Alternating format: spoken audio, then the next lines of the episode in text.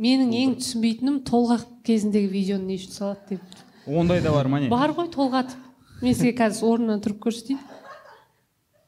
Так. А осылай ма?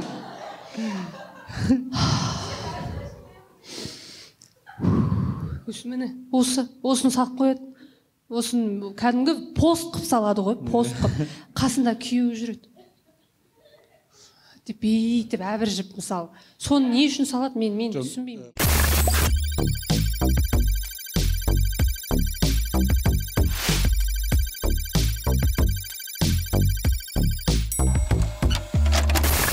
Баршаға сәлем қалайсыңдар? Бұл нұрмахан мұханұлы ютуб каналы админ анон лайф подкасты.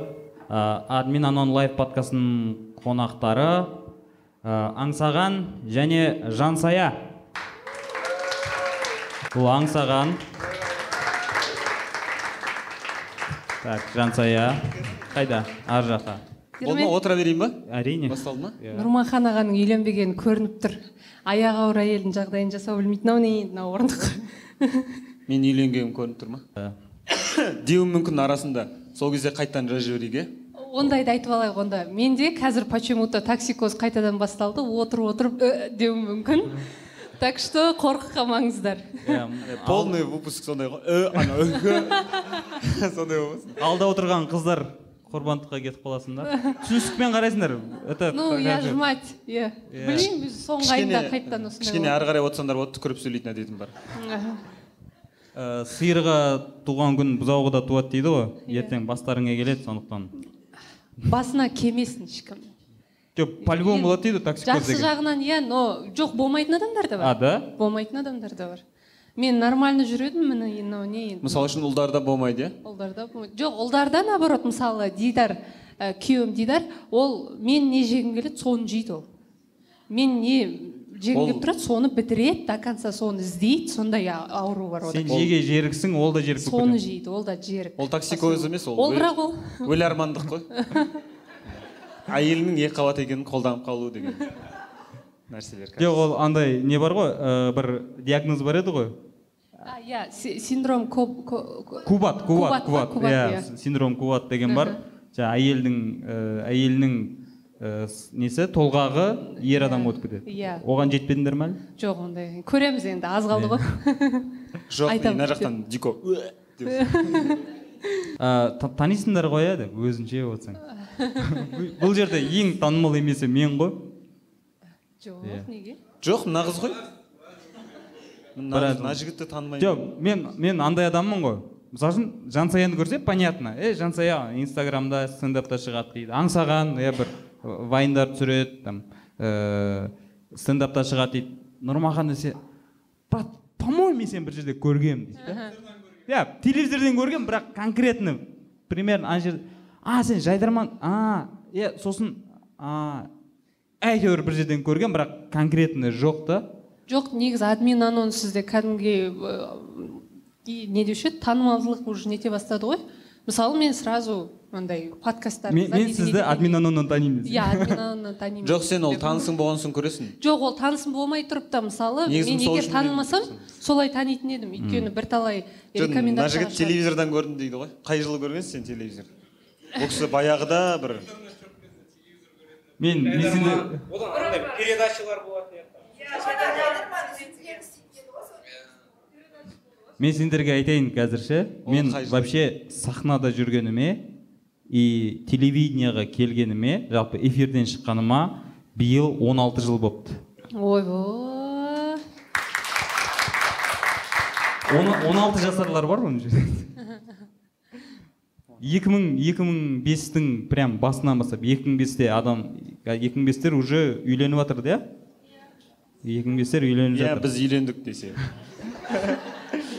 Екі мың- уже баламыз бар. Деп мен Қалай? қазір мысалы 96 жыл? екі мың- екі мың төрттер қай жылғы? Нешеде? Он алты- 2004-тер 17-те он жетіде менің 17 жасымда мысалы бір қуантарлығы қазіргі жастардың баратын таңдаулары бар бір жаққа бара алады осындай бір бағдарламаларды көре алады. Мен 17 жасымда шіріп жүрдім ғой мысалы деймін да ауылда ешқандай мүмкіндік жоқ та. Бірақ қазір қала тіпті мен студент болып қалаға келгеннің өзінде де ә, баратын жер жоқ болатын. А қазір мысалы таңдау бар жақсы ерте жастан көзі ашық көкірегі ояу адам ретінде бірдеңені таңдап бара аласың жақсы да. Сонда сіз қаншадасыз? Мен 26-дамын мен отыз үштемін дейді сондай жауап күттің ба мен, жасымды айтпай ақ сен? Нешедесің мен күйеуге шыққан негізі күйеуге шыққаннан кейін андай қызың неше бересің? деп отырмайсың андай. Қыздың жасын сұрамайды деп ше. Былшыт кетесің жиырма алтыдамын болды. Не ол кімге қызық мысалы а да? Рахмет көп как, көп как будто жиырма бестегі сияқты вот осыған майысып қаламыз біз тамадалардың шуткасы бар еді ғой. Видеодан бір үлкен көретін а мынау вообще жоқ екен әңгімеге иә жоқ бұл, жігітті қазір қуып жіберейін деп жатырмыз біз. Қазір екі екі фраза айтады все иә сәлден кейін мынандай болатын сияқты сен прыщиктерің бар екен иә примерно солай әңгіме жатыр. Шынымен де жас көрінесіз. А рахмет көп көп. Ну осындайға майысып қаламыз біз енді уже. Жас көрінесіз мен мен нешеге көрінемін? Сіз қырықтасыз. Шынымды айтайын ба тоқсан төрт тоқсан алты беремін қашан берейін деп жатсың енді студенттерге отыр ғой.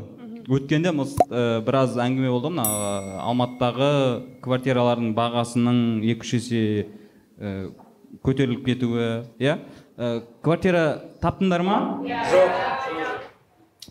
Жоқ. Болғаннан кейін осында келдің иә жоқ дорожный сумкасы тұр қасында түнімен бола ма аға деңізші? Сен ше сен тапсаң да қуып жіберетін сияқтысың. Сен Ә, вот қыздар мына жі- жігіттерді қаншаға жалдап жатсыңдар Же- и мынау жетпіс қайдан тауып алғансың сен? Алматыда ма бұл? Бесағашта ойбой бесағаш уже айдала ғой. Аты андай бесағаш деген вообще жақын емес қой. Ә, мен сейфуллиннің қасында бесағашта тұрамын демейсің. Ол бір сағат жүресіңдер ма сендер осында келемін дегенше ну да бағана таңертең шықтық осы подкастқа дейсің. сабаққа түнде шығамыз. Түнгі үштерде. Жоқ бесағашта кәдімгі домдар бар ма? Или біреудің біреудің времянкасында тұрып жатсыңдар бесағаш деген анау Тал- талгарский трасса жақ па? А не жоқ ол жақта жақсы негізі. Инфраструктура жақсы дамыған деп әдемі иә әдемі. Деп мәз қылып қой осы екеуін. Әйтпесе настроениялары жоқ бағанан бері енді мен осы осы мәселені ә, талқылағым келіп отыр да. Ә, мен мысалы үшін осы кеше ғана тик токта бір видео көріп қалдым. Сендер де көрген шығарсыңдар. Ана жерде бір где то 500-600 мың просмотр. Ә, бір кісі білмеймін алматыда ма басқа қалада ма бір қызға звондайды қайтадан. Ана жерде жазып қойған бірдеңе аға квартира алтыншы микрорайон деп ше? И ана жерге қызға айтып жатыр да кім жалғыз тұрасың ба жалғыз тұрасың ба? Сонымен «А, аға қанша дейсіз? дейді. Елу мың дейді. Сөйтсе айтады елу мың қымбат қой дейді. Жарайды қанша бере аласың? дейді. Отыз мың дейді. Жарайды отыз мың бірақ өзің тұр иә айналайын өзің тұра ғой. Өзің жалғыз өзің тұрғаның дұрыс қой деп. Прям енді анау кісі прям уговаривает ананы ше қызды. Анау 18 жасар студент. Аға не істейсіз дейді ғой енді мен жалғыз өзің тұрасың. Жоқ ағаммен тұрамын дейді там. Жоқ подругалармен. Жоқ сен жалғыз өзің тұр жалғыз өзің тұр. Қоймайды анау. Сонда енді ана жерде ана кісінің мақсаты квартира сдавать ету емес екені көрініп тұр да. Бірақ та под конец разговора ажырасқанмын. Ә, сол айналайын жаным. И еще ең соңғы жерде соңында қоштасады ғой. Болды аға қойыңыз енді деп неғып отыр ғой сөйтсе жаным айналайын. Аха қайырлы түн бетіңнен сүйдім. Мойныңнан сүйдім. Ойбай. Жаным. Содан кейін ана ана қыз қояды да резко ағасына айтады. Бірақ ананың бәрін түсіріп алған и тик токқа салған. Көрдіңдер ғой иә? Иә и мен кәдімгідей біртүрлі болып қалдым. Қалай сонда мынау осындай моментті пайдаланып енді ол қыз жарайды там бас тартты иә. бірақ сынып қалатындар да бар ғой. шынымен квартира таппай жатса е жарайды отыз мың ғой жалғыз өзім нормально деп бір ағаның жанында. Жоқ негізі бар ғой ә, мен өзімнің ә, туған енді мен үйдің кенжесімін ғой. Жеті ағам бар. И соның ә, жаңа ең үлкен ағамның қызы ә, нешеде ол? он тоғызда. Алдында уже павлодарға оқуға кетіп қалды біздің үйде арасында жүріп жұмыс жасап сөйтіп жүрді. Бірақ ол мен әлі күнге дейін нетемін мен өзім лично білмеймін ол дұрыс нәрсе ма бұрыс нәрсе ма мен ә, квартира алған кезде де жұмысқа кірген кезде де мен ешқандай адамға андай былай қазір мінезім жақсы ғой бірақ ешкімге ой! деп бүйтіп істей алмаймын да. Ал анау аңқау. И кіммен таныспаса да кіммен общежитиеға түспесе де жако мен жако дейді бүгін үш қызбен екінші курс түстім. Күшті қыздар. И ана бір ағаны айтса болды күшті аға елу мыңға бірден мен айтамын сен неге сен қалай күшті дей бересің бәрі адамды? деймін да өзің нең жоқ па? Кішкене немен қарау керек қой? Бір подозрениемен оның бәрі күшті конечно деп. И жаңағы қыздың да мен бір жағы бірінші айтқым келіп тұрған нәрсесі соның барлығын сондай деңгейге жеткізіп ә, жаным күнімге дейін жеткізіп неге сөйлесті деген. Мүмкін енді ол басқаларға сабақ болсын деп түсірген шығар. Бірақ енді шынымен аңқаулығы да осы жерден. Біреу қойғайланғанда біреу- біреу тойғайланғанда біреу қойғайланып жатыр ғой енді былай қарасаңыз. Ана кісі уже сол өзінің басқа түпкі мақсаты басқа адам екенін көрсетіп отыр да. Қазіргі заманда ешкім адал көңілімен бір бірдеңені бере салмайды. Ешкім саған мә қырық мың теңге әй жарайды саған осы қырық мың болсын деген сияқты. И біз сондайға сенеміз ол бірден нетпесе де кейін ол бәрібір оны қайтарып алатын несі болатын сияқты. Қазір аралас халық әр жақтан келген адам ешкім ешкімді аямайды бұл жерде тек қана өзің бір немен қарамасаң ә, дұрыстап мән беріп қарамасаң сен ешкім аямайтынына соған көзім жетті да сол себепті қазір осы жерде отырған жастарға да айтқым келеді ол ә, жаңағы адамдардың ой сен жүр мен саған тауып берейін. Подселение де негізі өте опасный тема Иә, ғой. иә. ер адам болмаса подселение андай қыз балаларға өте қиын. Бір бірден о- бір бірден тұрған. Егер екі қыз сондай болып тұрса нормально енді. Бірақ мен бір қыздардан өте қиын енді. Адал бір жақсы адам түсіп кетпесе мен қорқамын сақтықта қорлық жоқ дейді ғой просто. Сосын э, аңсаған бір э, сторис салды да э, типа төрт төрт бөлмелі квартирада екі жігіт қана тұрып жатырмыз деп. И мен көріп отырмын айтдым да блин неге провокация жасап жатрсың сен? деп ше. Ол по любому саған жазады адамдар ше? Жазды қазір қыздармен тұрып жатырық жаңағы қызға да мен звондағанмын ғой бағана мойныңнан деп айтқан жоқ мен бірақ. ә, банкке оператор болып жұмысқа кірдім. Сол кезде сайраннан квартира таптық біз. Сайраннан квартираны жетпіс бес мыңға таптық. Бірақ ана жердегі сайрандағы кісілерді көрсең қарындас шымкент па? Шымкент па қарындас? Қызылорда? Қызылорда? Түркістан түркістан? Өтсең түссең болды. Не ана жерден не отыра алмайсың кетіп? Не келсең үйіңе жете алмайсың жаңағыдай бәрі былай қарындас қарындас қарындас деп. И солай сол жерде тұрып жүрдік бірақ өте қорқынышты район болды. Өйткені жастар жүреді біресе пистолеттің дауысы шығады сондай неше түрлі нәрсе бір енді шумный район болды. Одан кейін ол жетпіс мың жетпіс бес мыңнан кейін күйеуге шықтым. Деп андай переход қалай. Күйеуге шықтым да дидар екеуміз ә, анау сайна шаляпина жақтан жетпіс бес мыңға тағы квартира таптық. Ол кезде екеумізде де андай не ғой бір мандраж не істейміз жаңадан үйленгенбіз. Анау жетпіс бес бізге қиын қымбат анау а, мен дидарға айттым «Де- мынау өзі однокомнатный анау мынау жұмысқа жақын тұрайық деп. Сөйтіп жұмысқа бір көше жоғары гоголя байтұрсынова деген көшеге келдік. Мен интернеттен қарадым қарадым. Вот осы жерде негізі ә, қыздарға айта кететін нәрсе ер адам ондаймен бас қатырмайды негізі ше. Өзің түртпектемесең былай никогда ер адам тұрып тұрып е қойшы әй, бас жаққа тұрайықшы әй», деп бүйтіп бүйтіп бүйтіп и мен тұрамын да интернеттен күнде жатып алып крышадан іздеймін үй іздеймін үй іздеймін. И жүз он мыңға квартира табамын жүз он мыңға квартира табамын екеуміздің айлығымыз бір жүз жетпіс па жүз сексеннен. Бірақ енді представьте жүз он мыңы уже тупо кетіп қалады. И сосын дидарға айттым мен бір ква- квартира тауып тұрмын соған көшейік деп. Ол ойбай мына жетпіс бес тауып отырғанда жүз онды қалай табамын ол кезде мен ештеңе түсірмеймін қазіргідей стендап жоқ менде бір доход жоқ. Сосын үй жоқ жүр барайық деп. Сосын ә, ол как раз папа мамамыз келген астанадан ата енем сол кісілерді шығарып салып кеткен кезде мен фук кетіп ана жаққа кетіп қалдым да квартираны көрдім. Жүз он мыңға в принципе нормально. И мен шытырлатып ақша- ақшамды санап беріп алдым.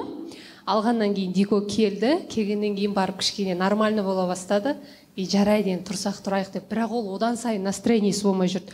Қайтып төлеймін деген сияқты. Одан бөлек біз өзіміз депозитке ақша жинап жүрміз үй аламыз деп. Сонымен ә, ол жақта тұра бастадық бірақ та ол уже андай ескі пятиэтажка үй ғой сап сары настроение түсіріп. Вот бірақ сол жерде біз вайн түсіріп бастадық.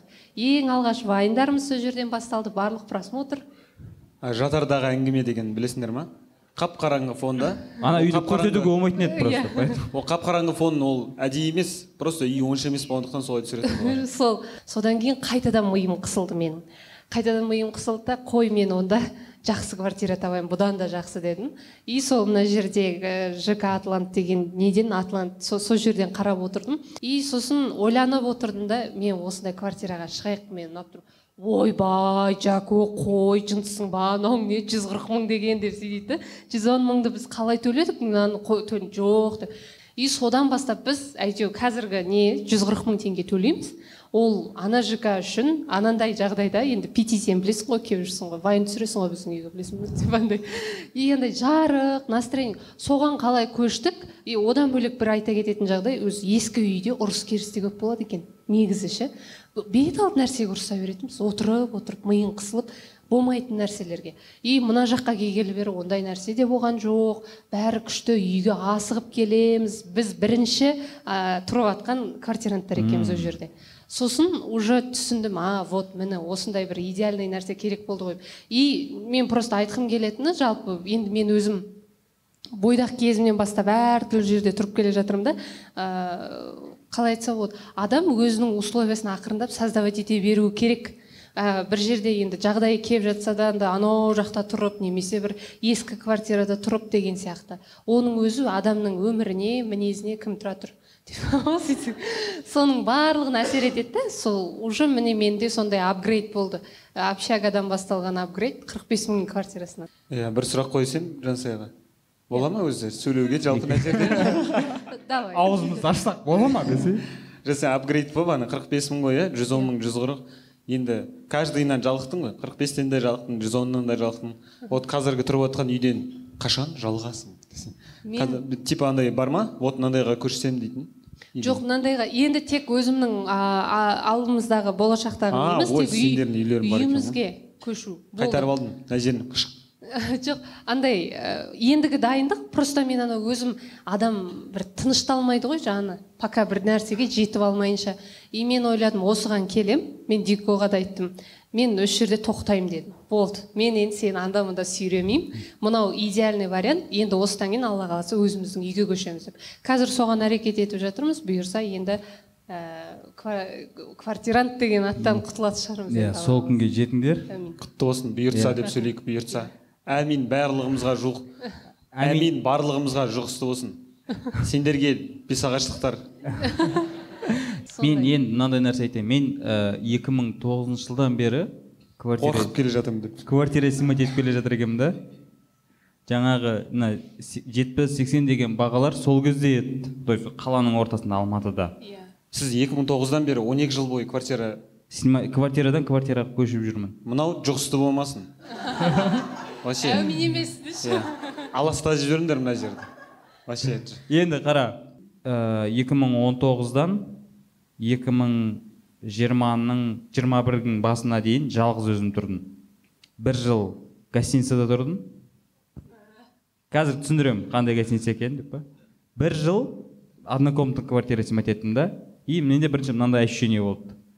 Ә, гостиницада айына жүз елу мың месячный тариф деген бар негізі алматыда гостиницаларда. Ә, кәдімгі квартира однокомнатный двухкомнатный квартираның бағасымен төлейсің. И жүз отыз мың однокомнатный квартира снимать еттім да. И вроде бы иә жалғыз өзім тұрып жатырмын бәрі күшті сияқты. Бірақ андай өзімді мынандай нәрсемен ой жей бастады да. Мен азанда кетем жұмысқа кешке келем үйде тамақтанбаймын тамақ істей алмаймын. И просто далаға бүйтіп ақшаны шашып жатқан сияқты ше. Просто иә ұйықтау үшін мен айына әшейін жүз елу мың жүз отыз мың төлеп жүрдім. Енді гостиницаны білесіңдер ғой гостиницада жатқандар бар ма деп? Өзіңше отырсаң.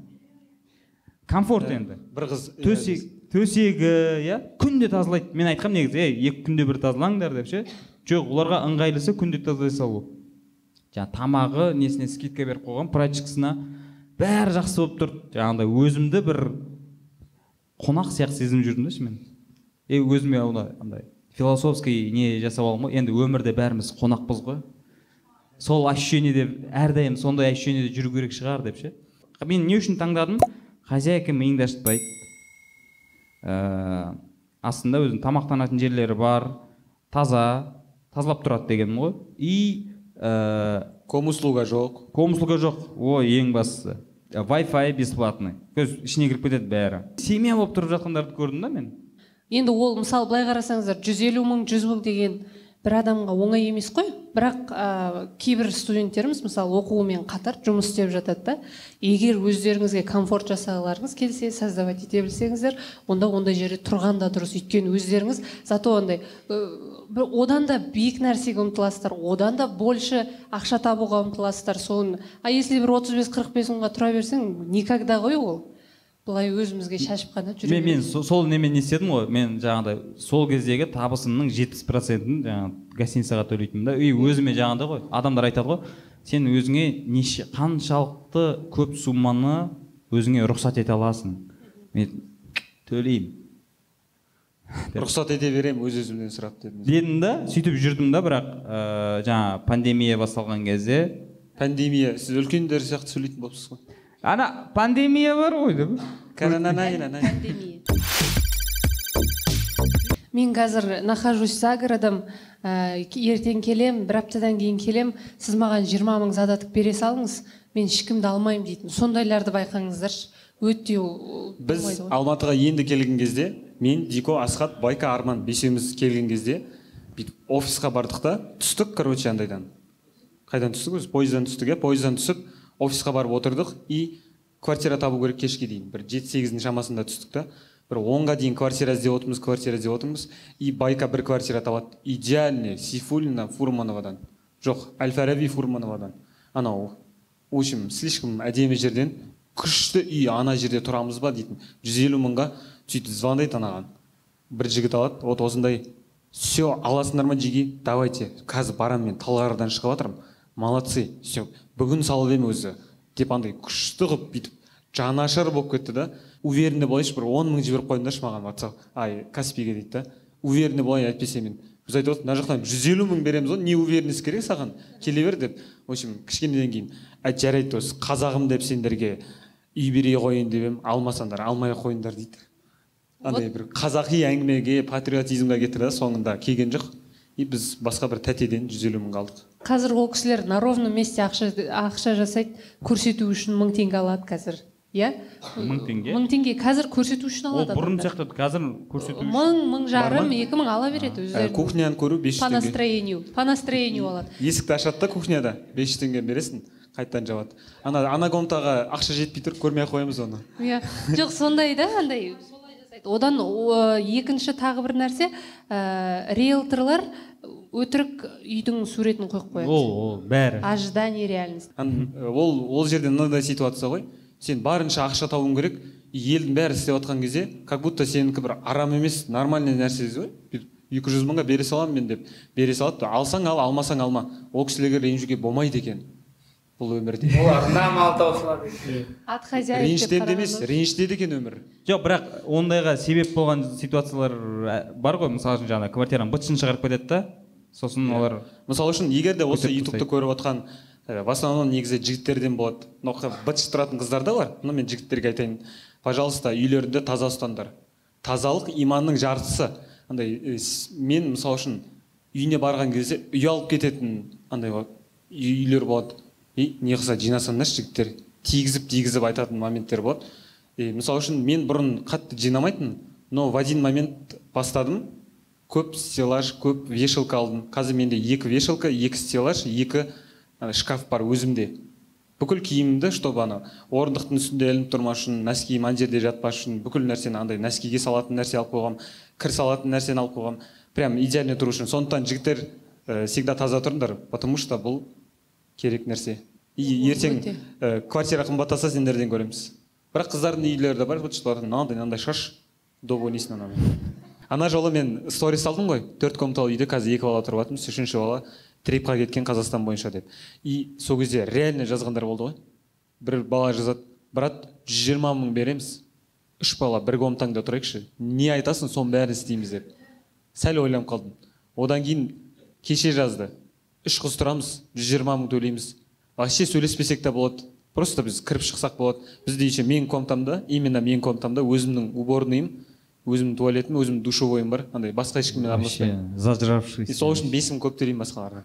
И сонда айтады да типа осы жақта тұрайықшы андай реально жазып жатқандар бар. Е мен шутка ғой десем ойланып көріңіз біз вообще мешать жасамаймыз сөйлемейміз деп. Ба- басқа балалар келсе келе берсін біз жауып аламыз ішінен деп. Жауған жақпаңдар деп. Жоқ сен айтпаймын жарайды жүз мың төлеңдер бірақ сөйлесейік деп ше. Гүл деген сияқты бір функция болу керек қой гүлге су құю деген. Жалаңаш жүресіңдер деп. О, жансая тәте. Сізді тәте деп отыр ана жақта. Оны жақшаның ішіне жаздым мен. Өзім ақша беремін деп сізден жатасыз мен өткенде бір стендап концерттен кейін стендапты ә, көресіңдер ғой иә жансаяны аңсағанды. Мен мені көрмей ақ қойыңдар. Сөйтіп содан кейін маған бір залға келіп көрермен болып кеткен бір жігіт жазды да. Бәрі жақсы бәрі керемет маған ұнады. Бірақ деді да екі адамды прям выделил. Аңсаған мен жансая неге өздерінің өміріндегі сондай мәселелерді айтады. Деп жылап жіберді типа мен айтамын да негізі стендап деген сол ғой ол стендап деген әр адамның өзінің жаңағыдай трагедиясы. Ол сонымен бөлісіп соны айтып өзі де жеңілдеп қалады и ә, басқаларды күлдіреді. Сол күлдіру арқылы бойындағы артық информация ғой енді ол. Айтып тастайсың сонымен жақсы болып қаласың. Неге аңсаған папам кетіп қалған деп спокойно айтып тұр? Ол күлетін нәрсе емес қой. Жылайтын нәрсе ғой. Иә деген. Көзінде мұң тұр. Мынау әзілдің артында шындық бар. Деп сондай комментарийлер бар менің астымда? Иә бұған да айту әзіл айту оңай емес. Дейді оңай ол мынандай ситуация ғой мысалы үшін бізде сен ол мәселеге қалай соны қалай шешім қабылдадың сен мысалы үшін? Так мен стендапқа шығамын осы мәселені айтамын деп. Ол былай болды енді. Ол мынандай нәрсе ғой. Ә, ең бірінші стендапта мен негізі стендап деген не? Мен басында көресің ғой стендапты. Так ә, вот мынау өзінің проблемасын айтып отыр мынау да өзінің проблемасын мынау да өзі соқтығысқан нәрселерді айтып отыр. Барлығы өзі айтып отыр да андай болмайды. Байқайсыңдар ма қазақтардың көбі дейтін нәрсені айтып жатқан жоқ та? Мынау орыс мынау орысша стендапты көргенде. Мен бірінші стендапта өзім туралы айттым там атым аңсаған бір қыздың аты ә, қарағандыдан боламын и бізде қарағандыда орысша сөйлейді деген сияқты нәрселер айттым да. И чуть чуть не по душе болды. Келесі стендапта шықтым да ей жарайды осы мама туралы айтайыншы осы қарындасым туралы үйде үш адамбыз. Мен ғана еркекпін и өзімді батя сияқты сезінетін дейтін блогты бастадым да мынау маған келеді енді. Мен ә, ештеңені ойлап табудың керегі емес. Андай ә, білесіңдер ма кейде тамақ ішіп отқан кезде деп воображать ететін нәрсе емес. Мен чисто өзім басымнан не өтті соны айта салайын. И мен о- содан да құтыламын мысалы үшін обычный өмірде айтпайсың ғой? Жансая осы кезінде біз папасыз өскенде мынандай болған деп айтпайсың ғой ондай әңгімелерді. Лучше стендапта айтып мен осы бір ішіндегі бір мысалы үшін нәрседен құтыла салайыншы осы деп ә, оралман туралы жалғызбасты ана папа тастап кетті деген нәрселердің барлығын осы жерде айтып айтып тастап и мен өзім бойымнан құтылайын и солай маған легче станется дейтін. Орысша сөз бар еді ғой. Ә, көп мысалы үшін кейде менің посттардың астына стендаптың астына көбісі жазады әкесін бүйткен емес әкесін мынандай қылған емес оралман екенін неғып неге айтып тұр дейтін көп жаман нәрселер жазады да. И маған вообще тимейді ол. Мен мені қозғаймын мен айтып тастадым болды. Осы маған маңызды. Мен папа туралы әзіл айтпасам болады. Мен папамды жақсы көремін негізі. Қатты екеуміз вообще ренжіспейміз бір бірімізбен но мен папаны полностью кешіре салушы едім и полностью папа туралы ештеңе айтпаушы едім егер мама болмаса. Мама бізді қаншама жыл жалғыз өзі өсірді. Қаншама қиындық ана жұмысқа барады мына жұмысқа барады. И соны көріп тұрып мен папаны полностью кешіре салсам обидно маманың қаншама жылығы андай терінен көз жасынан обидно да. Поэтому мен папа туралы шутка айтқан кезде мама ойлаймын мама да осыдан бір кайф алып қалады деп ше е балам молодец ей айт, айтып тастады хорош хорош деп мен маманың чуть чуть болсын бір ә, өкпесін ренжін бір осындай бір нәрсемен жаптым деп ойлаймын. Мама да папаға айтпайды енді қандай. Ренжімейді папаға қатты уже ол өйткені ол нәрсе ситуация өтіп кетті да уже одан бірдеңені айту бірдеңені жегідей жей беру ол уже вообще пайдасы жоқ. Поэтому мен осындай нәрсені айтқан кезде мама өзін бүйтіп хорош балам жақсы тәрбиелеппін лайк бастым дейтін сияқты нәрсе. Да. Папа туралы айтты ма? Да. Сондай нәрсе айтып қалады деп и мен сондай ситуациям бар. Ертең мен жалғызбасты аналар деген стендапым шығады. Ол жерде тоже мама туралы айттым. Мама жалғыз өзі өсірді бізге всегда үнемдейтін и мама содан бір ой молодец балам егер мен ертең шығып менің мынандай досым бар ол оның досым десе мама қарап неғып бізді айтпайсың? деп айт, айтпай қала айт ну мен барлығы чисто маманың ә, разылық үшін сол мама нормально болса значит маған да нормально. Сен былай істесең болар еді. Просто так ше өмірде бүйтіп түңіліп е біз тауым тасып кеткен маған Иә. жа- маған жандарың ашысыншы мен жалғыз мамам мені тәрбиелеген деген сияқты. Сөйтіп жүрсең де болар еді бірақ сен ол нәрсеге чуть чуть позитивпен қарап мысалы үшін былай жазатындар бар пост қылып салатындар бар. Кезінде бізді папа тастап кеткен. Осындай қаншама қиындықтан өтіп дейтін бір аянышты бірдеңе қылып салып жіберетіндер бар өзінің өмірін. Мен тоже солай салуға болушы еді бірақ зачем? Не үшін маған біреудің аянышы лучше мен стендапта шутка қылып айтайын да біреулер күлсін да. И күлгеннен кейін бүйтіп күлкісі таусылады ғой. Ей мынау дұрыс айтады бірақ. Бұл нәрсеге юмормен де қарауға болады екен ғой деген сияқты. Яғни надо отпустить ә, обиду деген иә сияқты. мынандай ситуация болған. Самый күлкілі ситуациялардың бірі өмірімде болған. Ә, көшеде таниды ғой. Ә, көшеде таниды де. көшеде таниды стендапер молодец андай и мынандай қылып танитындар бар. Е қалайсың брат? Мені де папам тастап кеткен ғой. Дейді. И андай е нормально иә тоже ұқсайды анау. Мен де сол қарындасыммен се- сестраммен өскенмін нормально айта жатыр да. И ол оған бұрын ол өте бүйтіп аянышты болып көрінеді да. Бізді папа тастап кеткен деп айтуы мүмкін еді но соны айтқаннан кейін ол ситуация қатты бүйтіп переживать ететіндей емес оны қабылдау керек екенін білді да. И содан кейін солай айтады қуанып қаламын бірақ біртүрлі енді біреу келіп мені де папам тастап кеткен десе біртүрлі болуы мүмкін. Но маған нормально ол. Былай қарасаң саған керек емес информация ғой бірақ иә бірақ өте приятно. Иә. А, самый күлкілі өте, ну, өте приятно оның папасы тастап кеткен емес. Өте приятно что ол ситуацияны ол қабылдап и өзі жақсы қабылдағаны. Ә, жансая сен ә, жаңа не жазды ә, айттың ғой ә, маған жаза береді ә, қашан туасыңдар не деп. Сен ол мәселеге қалай? Ә, негізі ол саған қатты тигендіктен айтамын дедің ба? Жоқ әлде ә, сен де жаңағы аңсаған сияқты адамдардың осы мәселеге ойын өзгерту үшін айттың ба? екеуі де. Маған өте қатты тиді. Басында негізі біз сол жаңағы квартирада жүргендіктен анау мынау болғандықтан біз ойладық үйімізге ақша жинай берейік. Пока. Негізі осы орайда бір андай нәрсе айтқым келіп тұр. Ә, бала жоспарлау жағына келген кезде біз айтады бізден сұрайтын че когда ребенка анау мынау деп сол кезде а пока планировать етіп жүрген жоқпыз дейтінбіз. А енді ол мысалы алланың әміріне қарсы шығу ғой. И біз пландап жүрген жоқпыз қазір пока что поработаем для себя деп қойып сөйтіп жүре беретінбіз. Аңғармайтынбыз ол сөздің қаншалықты зіл ауыр екендігін. Мен қалай ә, вайн түсіріп бастадым стендапқа шыға бастадым ә, енді аудитория жиналған әрине жақсы кө- жарнама болады арасында анда мында бардық лицо қалыптастыра бастадық. Бірақ соның екінші жағы адамдар хейт жаза бастады. Напрямую жаза напрямую ой сөйтіп бүйтіп шіреніп тұрған не керек бір қатын болып бала тауып бере алмасаң деген әңгімелер жазатын болды уже. Еще мен байқағаным оны ер адамдар жазады. Ер адамдар. Кірсең андай екі үш баласы бар отыздан қырықтан асқан үлкен ер адамдар. Мен түсінбеймін мысалы біреудің әйелін не үшін аңдиды ә, әйел адамдар түсінеді енді. Олар бір, бір болады бір екі үш проценті ғана жазатын. Бірақ әйел адамдар көбіне енді біледі ғой бір неде барлығы қаншалықты қиын екенін біледі. И сосын жарайды жарайды мен жылаймын дидар қой оны немеге мән бересің? Несі бар? Ең бастысы мен өзім ғой сенен ештеңе требовать етіп жатқан жоқпын.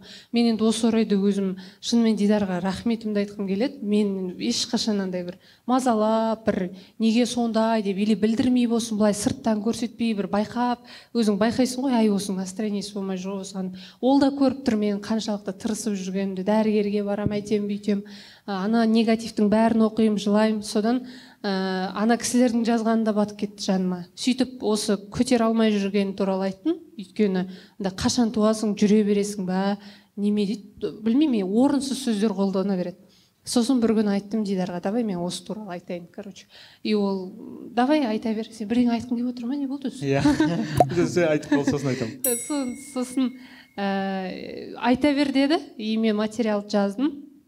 Жазғаннан кейін міндетті түрде менде барлық нені көбісі ойлайды. Мен шығып алып аузыма келгенді айта береді деп ойлайды дидар дидар туралы ше. И мен дидарға всегда қай материалды жазсам да оқытамын. Міндетті түрде ол білет а ол маған бүйтіп жазады. Күйеуің бір күйеуіңді бір түсіріп әйтеуір айта бергенді білесің. Немене күйеу ол саған не болмайтыны бар деген сияқты. Ал менде бүкіл нәрсе содан өтеді. Менің кез келген сторисім бүкіл вайн барлығын сол қарайды. Бір есуас әйел емеспін ғой. Аузыма келгенді айтып алып жатып бағынбайтын и оның бәрін ешкім білмейді білмегеннен кейін айта береді вывод жасап. Сөйтіп дидар айтты давай айта бер шық та айт деп мен бірақ қатты қорықтым Ә, содан енді өте ауыр тема ғой. Көтере алмай жүргеніңді айту да. И сосын қой айтам дедім айттым. Айтқаннан кейін маған вот сенбейсіздер ғой. Бәрі көтере алмай жүрген келіншектер жазды. Кәдімгідей мә сіз қалай айттыңыз? Қандай батылдық? Мынау и оның арасында андай адамдар жетісіпсің енді осы көтере алмай жүргеніңді айтып сол бе еді енді сол сол- сол туа алмағаныңға бе? еді енді сол деген сияқты. И мен қалай сол ситуацияны айтып жі- жібердім?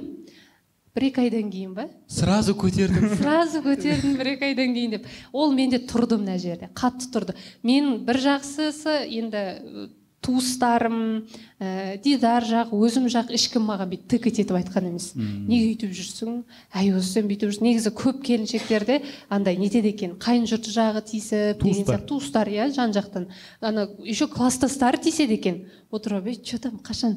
Қашан деп жүрсіңдер? Жаңалық бар ма? Деп. Осы өте жаман нәрсе негізі ше. И мен өзім айта болады ғой бұйырса жаңалық деп өзім сөйтіп айтады. Бір ақ адам ба екі ақ адам ба айтқан шығар. И мен сол сұрай бергеннен кейін мен уже басқа адамдардан алшақтай бастадым. Мен әйел қауымымен сөйлескім келмей кетті. Өйткені как будто мен мысалы сізбен сөйлессем сіз сұрайтын сияқтысыз менен ше. «Е, жансая жаңалық бар ма деген сияқты. Сол сұрағым келіп отыр десе. жеткізбейтінмін сөйлескім келмейтін сондай нәрселермен. И уже одан сол ситуацияны қалай айтылды жібердім. Ә, барлығы жақсы болды ары қарай. И уже қыз келіншектер керісінше менен сұрай бастады. Сіз қалай жеттіңіз алдында ғана сөйтіп айтып едіңіз мындай. Бірақ мен уже ары қарай ә, бірталай уақыт жасыруға тура келді. Өйткені как никак өзіміз үшін аз да емес көп те емес біраз уақыт күтіп қалдық. Ә, көз сөз деген бар деген сияқты. Сосын барып тоқтаттым. Оны барып қой енді айтайын енді бәрібір қайда жасырамын енді. Артқа жіберіп қойып вайн түсірмейсің сосын. Сөйтіп қойып айттым. И вот мен только солай ғана жеңе алдым стендап арқылы. Келесі жолы мен стендапта мынандай нәрсе айтайын деп жатырмын Ә, мама неге тұрмысқа шыққан жоқ? Папа кетіп қалғаннан кейін. Күлкілі ма?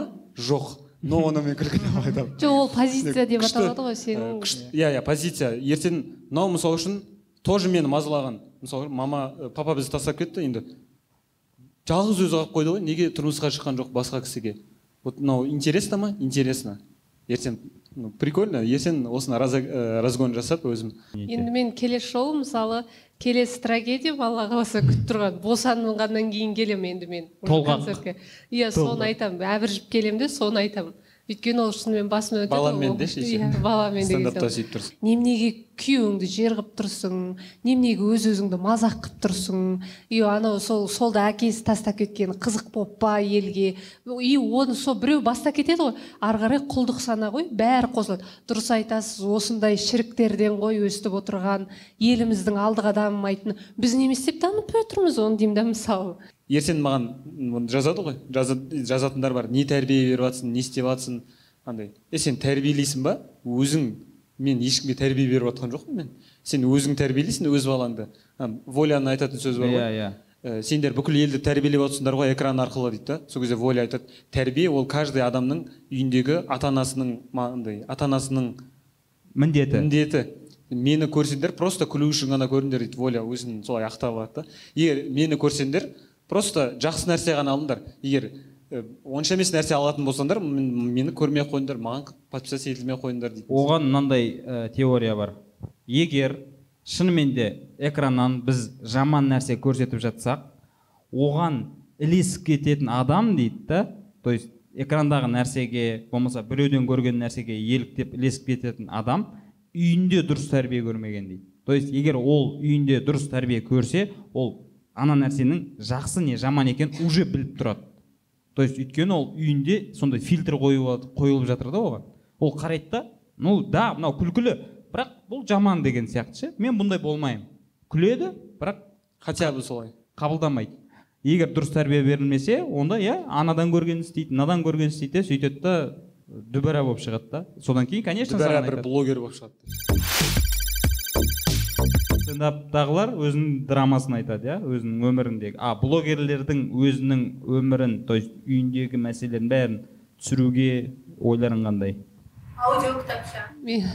Аудио кітапша бір аудио кітапша тыңдағанмын диктофонға күйеуімізбен ұрыстық ұрыс төбелесіп жатырмыз. Міне ұрды міне де. Каждый момент каждый фрагменттің трансляция жасалуы Жоқ, ол біз- сендер енді араласасыңдар ғой. Бір аудио кітапша тыңдадым.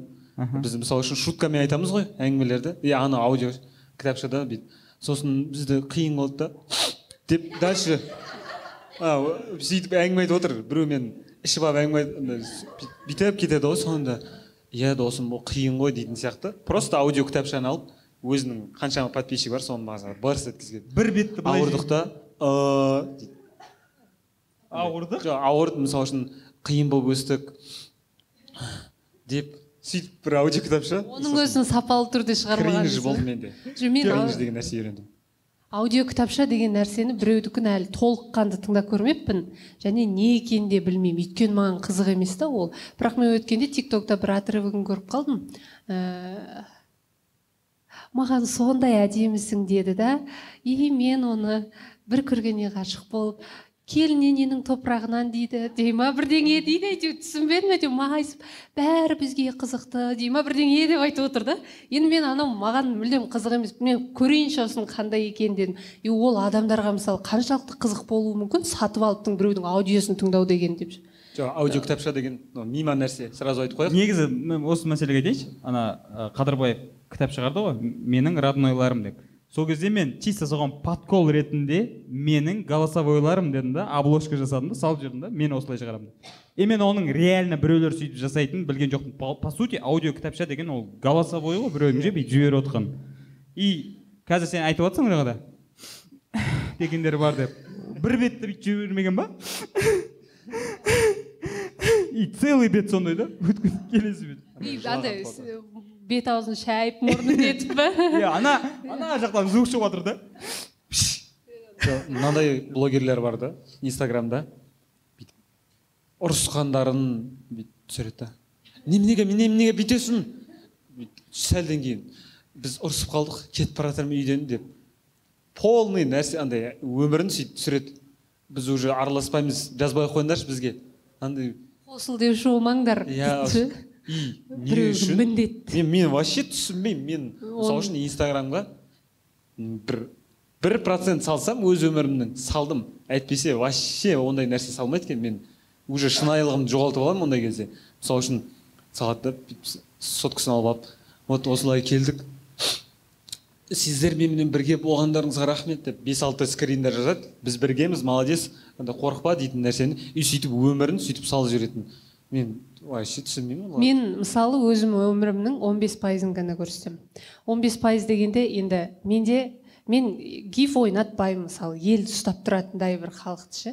Вайнмен ғана бірақ енді вайн бұрын мен күнде түсіретінмін. Одан күнара қазір денсаулығыма байланысты вообще мысалы настроениең бірде болады бірде болмайды. Бір апталап саламын. И енді қалайда халықты кішкене сториспен ұстап отыру қажет. Бірақ мен ол жерде тіпті мен ана бір таймлапспен үй жинағанды да салмайды екенмін мен бар ғой. Үй жинамайды екенмін деші үй жинамайды екенмін үйімді көрсеңіздер. Контент үшін үй жинамайын иә сондай. Енді мен контентке тырысамын бірдеңе бірдеңе жаңадан ойлап шығаруға. Бірақ мен шынымен жаңағыдей біз ұрысып қалдық бізге қосыл деуші болмаңдар бізге сөйтпеңдер бүйтпеңдер оның бәрін жеке пространствоға кіргізіп алғанда мүлдем еще андайларды ұнатпаймын жандарым сендер мен сендермен сен тыңдаймын ғой сендерді. Сендерден басқа менің ешкім жоқ қой. Сендер ғана шеше аласыңдар қайда баратынымды. Осындай қылып тастаған да халықты. И одан кейін дәл сондай адамдар әсіресе мына кішкентай қыздар 12-13-тегі маған бүйтіп жазады қанша, қанша неделядасың срогың қашан? Ұл ма қыз ба гендер пати жасады. Айналайын ау сабағыңды оқысайшы деймін да нең бар менің? Неделямда мысалы деймін да кірсең 14 ә, 14 years old деп ағылшынша жазып қойған андай ше. Куколка конфетка дегендер ғой өңкей бірақ соны мысалы менде аяға ой әйелдер сұрап отырса түсінемін мен жарайды қызық шығар мүмкін. Бірақ ол да қызық емес қой. Мен екі үш күнде гендер пати жасаймын мен көресіңдер кім болатын. Узи қағазына дейін көрсетіп одан ана біреу көрсетіп бірінші рет айтып қойғандардан мысалы екі үш блогерлерден жаман жағдай болып тұрып бөпелер шетінеп кетіп ше мысалы оның бәрін халыққа көрсетеді. И маған жазады сен неге басқа блогерлер сияқты көрсетпейсің немене гендер патиіңді аяп отырсың саған келіп кетер қандай пайда ал ұл ал ал қыз ал не болды ал не болды? деймін да өмірің жақсарып кетті иә сол ал білдің ал не болды деп. Қай неделядасың токсикоз мен вообще ол туралы андай қозғамауға тырысамын зачем маған артық внимание? Мен өз өмірім өзіме мен өзім күйеуіммен өмір сүр сен неге күйеуің әкелген нәрсені салмайсың? Андай блогерлер бар ғой кіркеп біреудің үйіне қонаққа келіп ал біз бүгін міне нұрмаханның үйіне келдік қалай нұрмахан? Міне мына жерде міне балалар келіп отыр достарымыз міне аңсаған». телефонмен амандасатындар бар. Иә өстіп амандасқан не ол? мен мен мен аяймын соларды ше. Мысалы үшін э, құшта бір құмарың өзіміздің жақын таныстарымыз да бар возможно. Блогерлер бар егер білсеңдер бүйтіп телефонмен амандасады. Бүйтіп. Сіз бір телефон ұстаңыз телефон деп ойлаңыз. қалайсың брат? Бүгін міне келдік. Ей сен адам қал- қайда қалғансыңдар сендер? Сағынып көріп сен құшақтаспайсыңдар ма? Сұраспайсыңдар ма? Хәл? Не мынау бүйтіп телефонмен. Ана жолы бір кімнің ә, жанәбіловтің ютубта бір выпускын көрдім. Кімдердің тойына барған екен? Ахондардың тойына барған екен. И полный выпускта адамдар былай солай амандасады? Қалайсың братан қалайсың братан? И андай ол контент керек шығар может. Возможно қызық шығар адамдарға сен подписчиктерің сен соны күтіп отқан шығар. Возможно сен подписчиктеріңе деп түсіріп жатқан шығарсыңдар. Но по моему енді олай кетіп қалу керек емес сияқты потому что ең бастысы қарым қатынас Адами қалайсың досым? Жақсы өзің қалайсың. Денсаулығың аман ба? Жақсы. Енді қазір түсіріп жіберейікші мінекей келдік деп түсірсең болады. Ал бірден сондай саған ана адамның хал жағдайы маңызды емес. Саған контентің маңызды болып тұр да бүйтіп анаған амандасқаның. Бүйтіп сторисында о мынау мынаумен жүр екен мынаның сторис а мынаның сторисында бар ма екен мынау? деп каждыйына кіріп сондай бір басқа бір мәселе керек андай басқа нәрсе керек сияқты оларға бүйтіп түсінген жоқпын. Мыналар жынды ма? Не істеп жүр? қолдарына бірдеңе ұстап алып бүйтіп қалайсыңдар малайсыңдар? деп. Менің ең түсінбейтінім толғақ кезіндегі видеоны не үшін салады деп. Ондай да бар ма не бар ғой толғатып. Мен сізге қазір орнымнан тұрып көрсетейін. Так. А осылай ма?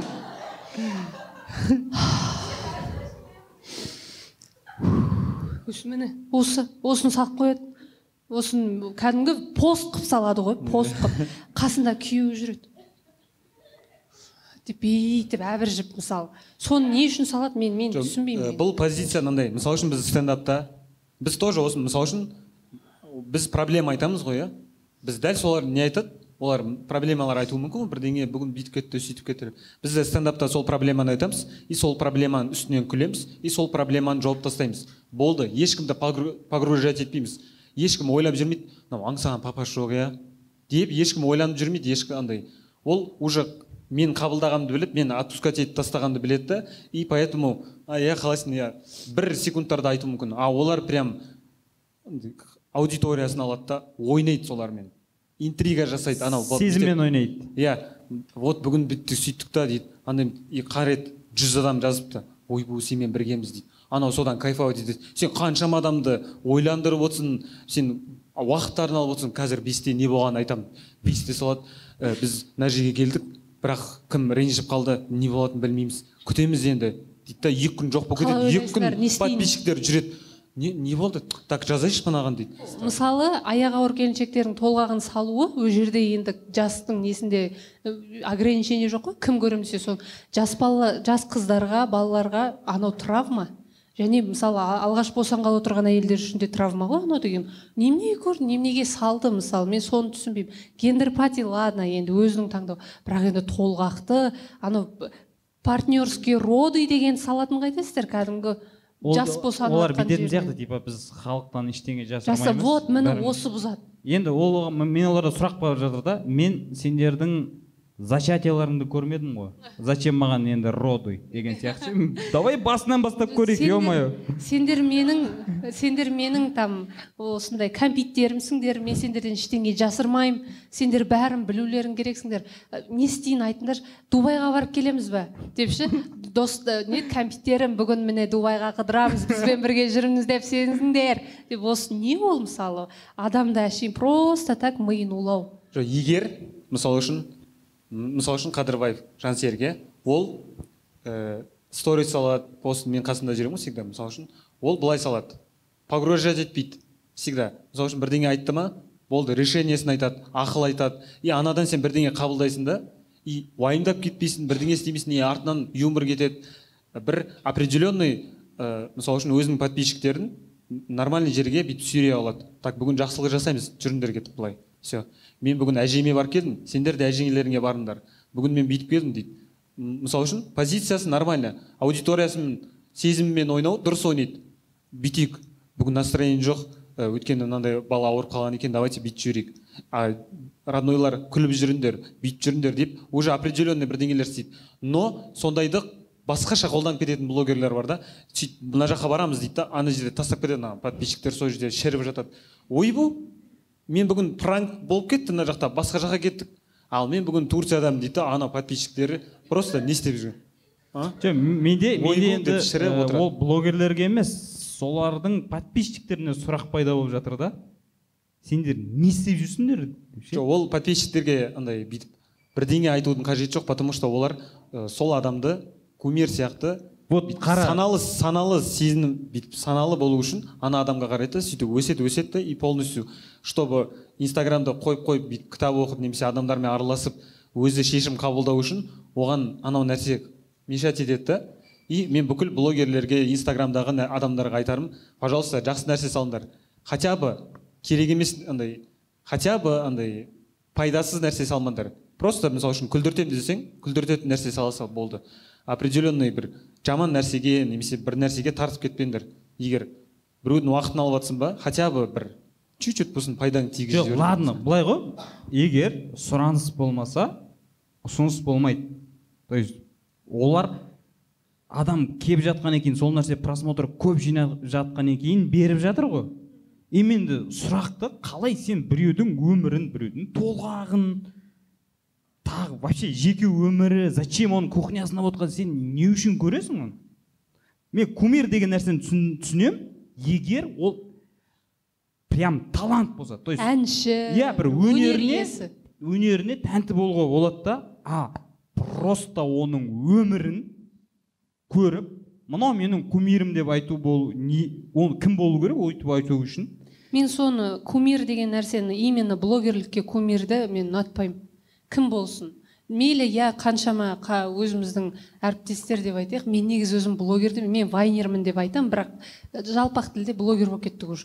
Ә, қаншама әріптестеріміз бар жақсы нәрсе жасайтын бірақ оның өзінде де олай болмайды ғой біреуді сонша нетіп енді көресің анда мында бар шыңғырып қарсы алып жылап ана балалар а, машинаның аяғына оратылып дөңгелектің астына түсіп өткенде мысалы гусейн гасанов келгенде анау не бар да қаладағы мысалы деймін да олай өйтіп м, мүлдем мен адамға өйтіп не дейді әлгі гусейн танымайды да жартысы ана подписчигі көп екенін біледі да и соған соны жүгіріп жүр қалада ше неде?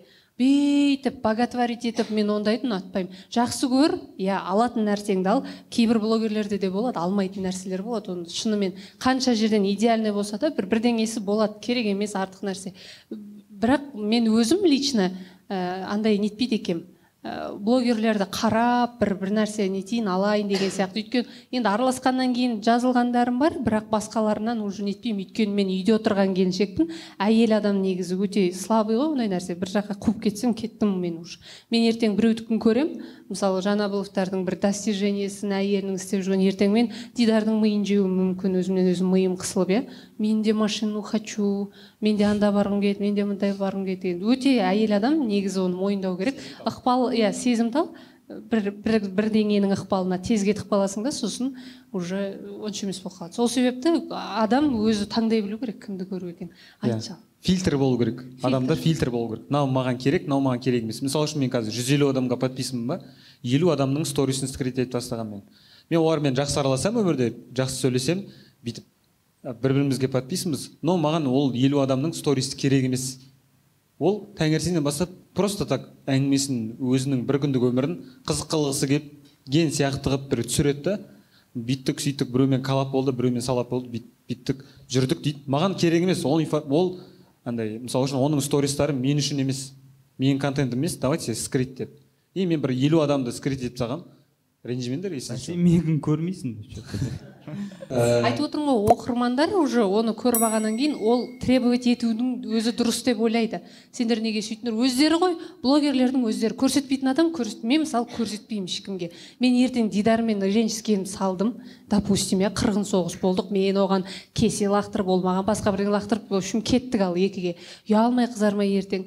Біз татуластық сіздер қосылыңыздар дегеннен кейін деп ұялмай өстіп кіріп келесің қайтадан. Не қадір қасиетің- қалып еще бірін бірі қызғандырып әрбір қызбен түсіп жігітпен өлең айтып былай бүйтіп жүргендерінің өзін айтсаңшы қаншалықты. Вот өздері өстіп қадірлерін кетіреді одан кейін көпке уже бәрімен бірдей болып кетесің. Ана жерде комментарий осы блогерлер әйтеуір кесін келмесін бәле болды дегенге кеттік қой уже. Мен адекватность иә кешіріңіз. Иә. адекватность болу керек та андай определенный бір мералар болу керек. Вот мына жағынан көрсем мына жағын мысалы үшін есентай мен разюша. Екеуі ә, өздерінің өмірлерін стористарын идеально қылып көрсетеді. Күшті ғой адамдарға. Ешқашан ну екі ай ма үш ай болды ма жүргендеріне бір ай болды ма. Қанша болды ұмытқан ну андай мысалы үшін разюша кипишовать етіп бірдеңе қылып салмайды ғой есентайды бірдеңе жаман жағынан көрсетіп. Күшті қылып салады да и адамдар соны идеализировать етеді отношенияны романтизировать өмірде етеді. көрсеңдер деші.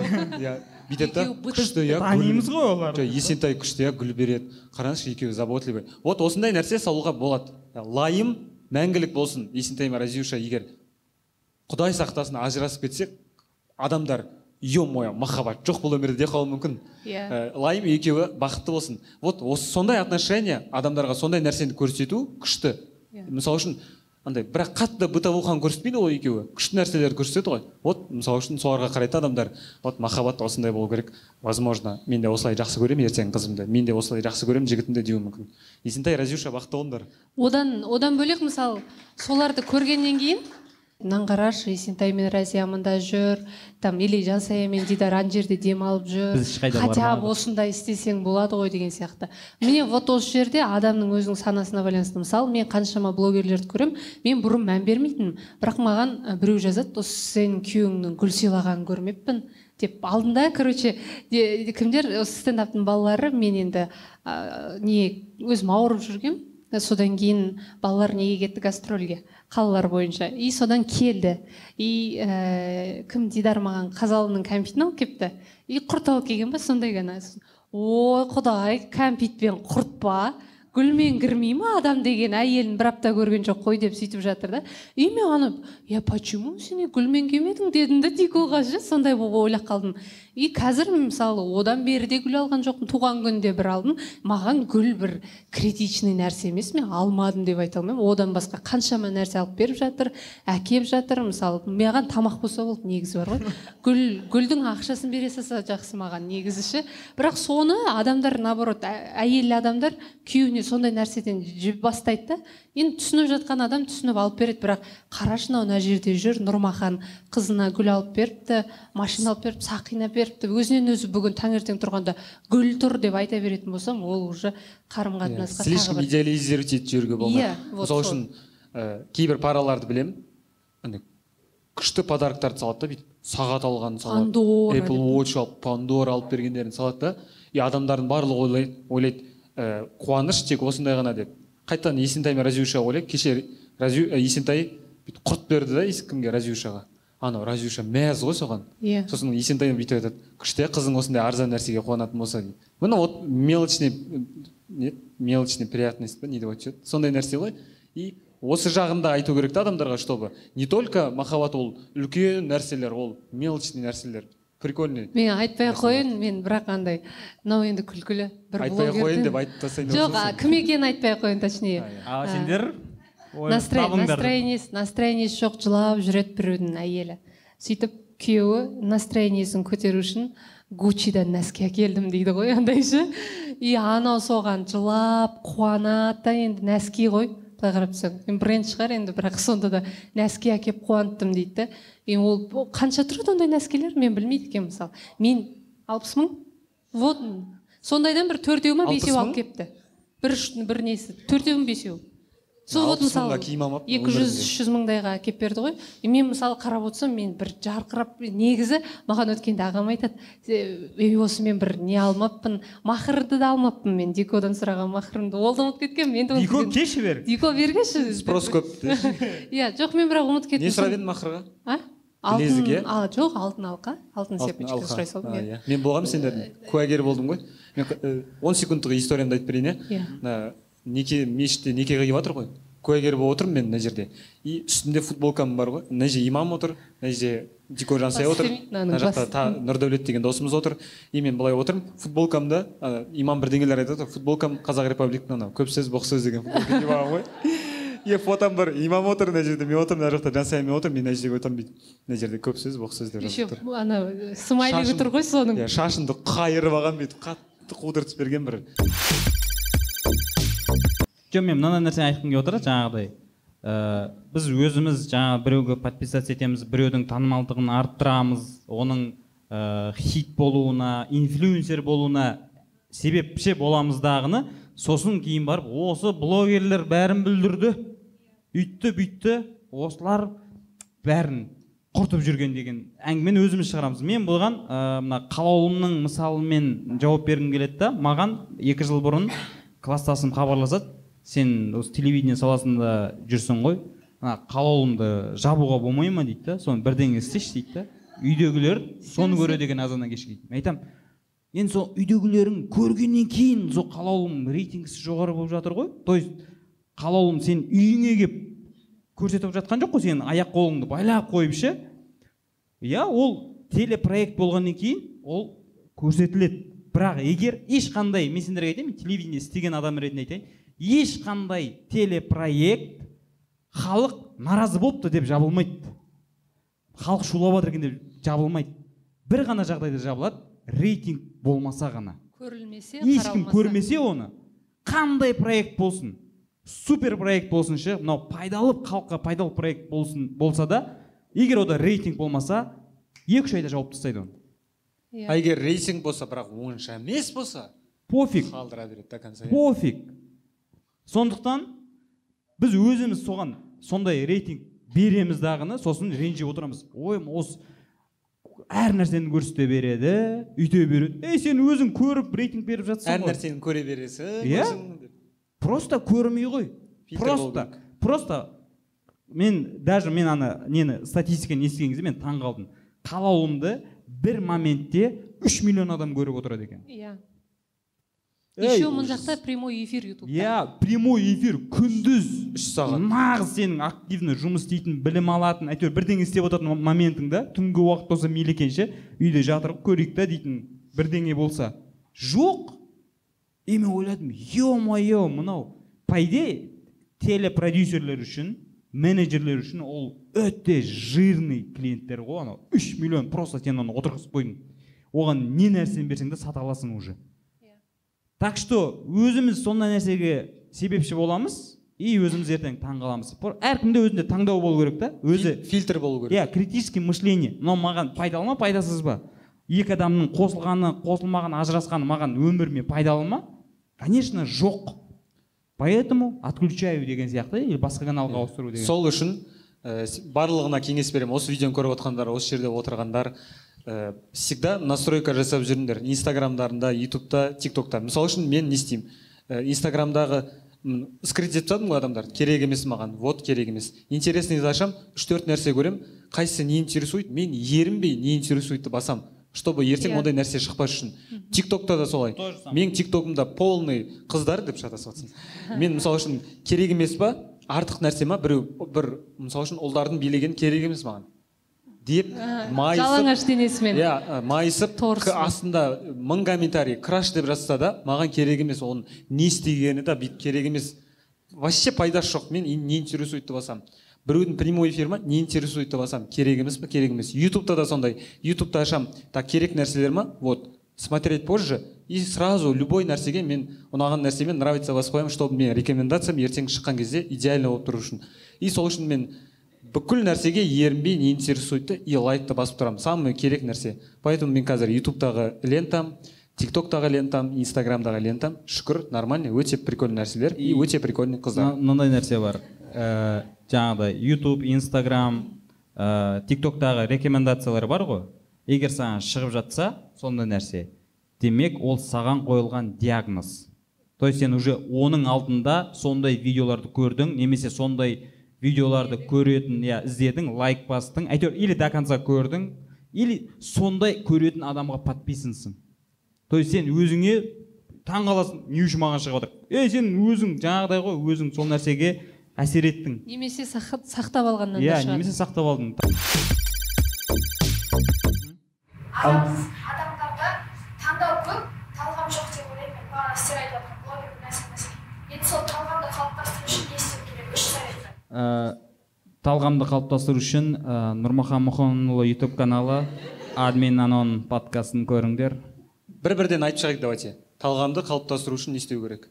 Талғамды қалыптастыру үшін жаңағы өзіміздің миымыздағы фильтр бар ғой соны дұрыстап іске қосу керек. Мен мысалы бір ақ сөз айтайын блогерлердің ішінде ей диплом алмадыңдар ма оқымадыңдар ма? Ничего страшного жүрміз ғой дегенді мен қолдамаймын. Оқу керек. Иә оқу керек. Керек емес нәрсенің барлығынан отказ бер да. аз мысалы үшін екі ақ нәрсе болса саған керек нәрсе. Сол екі ақ нәрсені кейін бірдеңе қылып үшінші үшіншісін қосасың и солай өзің дұрыстап аласың деп ойлаймын. Мысалы құрбыңыз сіздің жаңағы біраз онша емес енді онша емес деп айтпай ақ қояйын бірақ енді дұрыс бағыт бере алмайтын блогерлерді қарап сонымен ай анау кім ше мынау ше? деп ше сондай сөйтетін болса ортаны да тазалай білу керек деп ойлаймын. Сонда талғамың жоғары болады. Ана ана блогерді көрдің ба анау машина сатып алды ғой.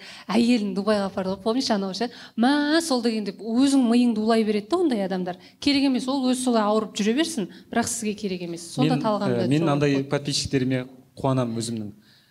Ашасың маған ғана подписан болады ғой. Ой мынау не деген алтын адам.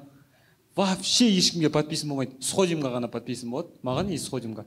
Қарайсың молодец. Ә, если что менен де отписаться етілсең болады мен қатты пайдалы маған өткенде біреу жазып жіберіпті. Мен сізге аңсағанды көру үшін жазылып едім. Неменеге салмайсыз дейді үйме сен неменеге саламын жоқ сен саған жаңа жазылған адам ә, қыз ғой иә қыз да бар ұл да бар. Ә, бір намек сияқты екен. Саған ғана жазылған сосын сходим барып қайтайық бір саған намек Ә, бүгін админ анон лайв подкастында қонақта болған жансай мен аңсаған көп рахмет сендерге. Ә, менің каналыма жазылыңдар лайк басыңдар коммент жазыңдар. Ұмытпаңдар. маған, маған подписчик керек просто ше. Көбейту керек. Мен қазір қырық мыңнан асты. Мен жүз мыңға жете алмай жүрмін просто. иә бір нәрсе айтайын. Ютубта әр нәрсеге подписанбыз ғой инстаграмда әр нәрсеге подписанбыз. Осындай керек нәрсеге өзімізге бірдеңе алып қаламау дейтін нәрсеге ә, басып колокольчикті баса салу ештеңе етпейді. И комментарий жазыңыздар. Ұнаса ұнады деп жазыңыздар ұнамаса ұнамады деп жазыңыздар. Егер нейтрально относи- относиться етсеңіз нейтрально деп жазыңыздар ағайын. Рахмет сіздерге. Иә келгендеріңе көп рахмет. Сұрақ бар ма? Камера сөйлей берсін все қоя беріңіз мына жерге бір жігітке